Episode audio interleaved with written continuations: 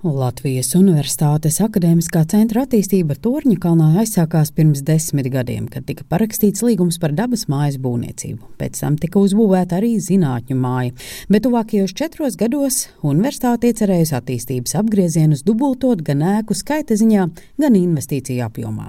Latvijas Universitātes rektors profesors Indriķis Mužnieks stāsta, ka akadēmiskā centra izveides iecere ir sena. Jau kopš 70. Eh, gadiem pagājušā gadsimtā tiek meklēta universitātei jauna vieta, tāpēc ka tā nu, saskaldītība, izsvaidītība pa vecām, nepiemērotām ēkām, nu, tas jau pat tajos laikos bija skaidrs, ka tas tā nevar ilgi turpināties. Toreiz Politehniskajam institūtam, tagad Tehniskajai universitātei tā vieta tika atrasta Ķīpselā. Nu, un universitātei Meklējumi bija plaši un dažādi, no klēstiem līdz rumbulai. Aktualitāti universitātes jauno māju vietu meklējumi atguva pirms aptuveni desmit gadiem. Izvērtētas tika dažādas vietas - Skanstes rajons, Mūkusels ielas rajons, Saliena un citas vietas. Un Tonkalns šai ziņā izrādījās optimāls, jo pirmkārt tas ir faktiski Rīgas centrs, īpaši domājot arī par Real Baltica attīstību, kas tajā laikā iezīmējās un kas būs nu, īpaši ērts savienojums šis eh, gājēji un velospēdas tilts ar eh, Rīgas centrālo staciju. Burtiski tātad 5 minūšu gājienā attālumā. Turpat esošās arī iespējas izmantot nākotnē Toņkalnu staciju, Nacionālās bibliotekas eh, ēkas stūmus, Nākamajā gadā Torņkalnā iecerēts atklāt rakstu māju, ap kuras būvniecību mirmo arī iespējamais korupcijas skandāls. Šajā krimināla procesā KNAB aizturēja toreizējo Latvijas Universitātes rektora vietnieci Baibu Broku, kur vēlāk atstāja šo amatu. Apsaudzēto statusā ir arī skonto būves vadošie darbinieki. Mūžnieks pauž pārliecību, ka universitāte ir izdarījusi visu, lai šādas situācijas vairs neatkārtotos. Tas mums aizskatās aizkavēja par veselu gadu celtniecību. Mēs esam nopietni pastiprinājuši iepirkumu procesa pāraudzības kvalitāti universitātē. Es domāju, ka nu, tādiem pārmetumiem, kurus gan es saku, vēl vienreiz vēl tikai jāpierāda, jo tiesa jau tos vēl nav izskatījusi.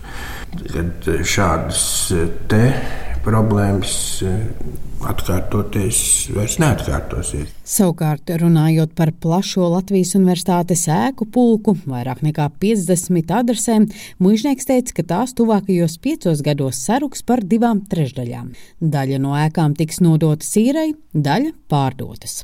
Grupas 93 vadītājs pilsētplānotājs Nēls Balgalis teica, ka universitāšu pilsētiņu veidošana pilsētu nomalēs ir ierasta prakse daudz vietā Eiropā, bet ir vairāki priekšnoteikumi, lai to esamība konkrētajai apkaimei patiesi nestu arī kādu labumu, jeb vērā ņēmumu attīstības grūdienu, un lai to sasniegtu, nepietiek viena rēku uzbūvēšana kādā apkaimē.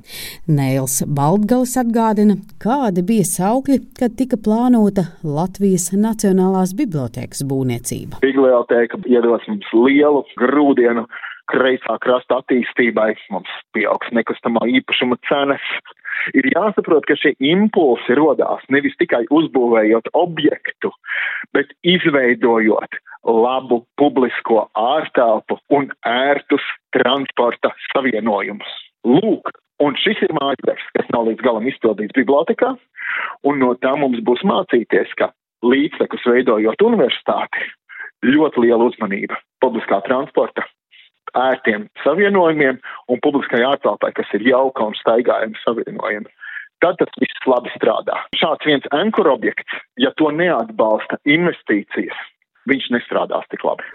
Līdzīgās domās ir arī nekustamo īpašumu aģentūras Latvijas tirgus analītiķe Ksenija Jevlava, sakot, ka Latvijas Nacionālā bibliotēka ir patiesi izcils piemērs, kuru minēt, lai nākotnē nepieļautu tādas pat kļūdas.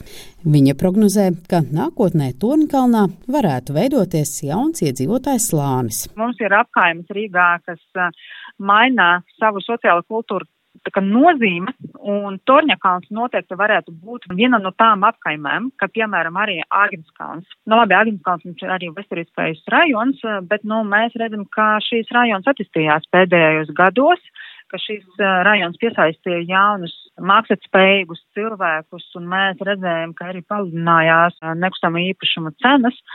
Un es domāju, ka Torņakalnam arī varētu mm, būt tik gaišā nākotne. Protams, pie nosacījuma, ja tiks attīstīts ne tikai universitātes akadēmiskais centrs, bet arī apkārtējā infrastruktūra. Linda Zalāne, Latvijas radio.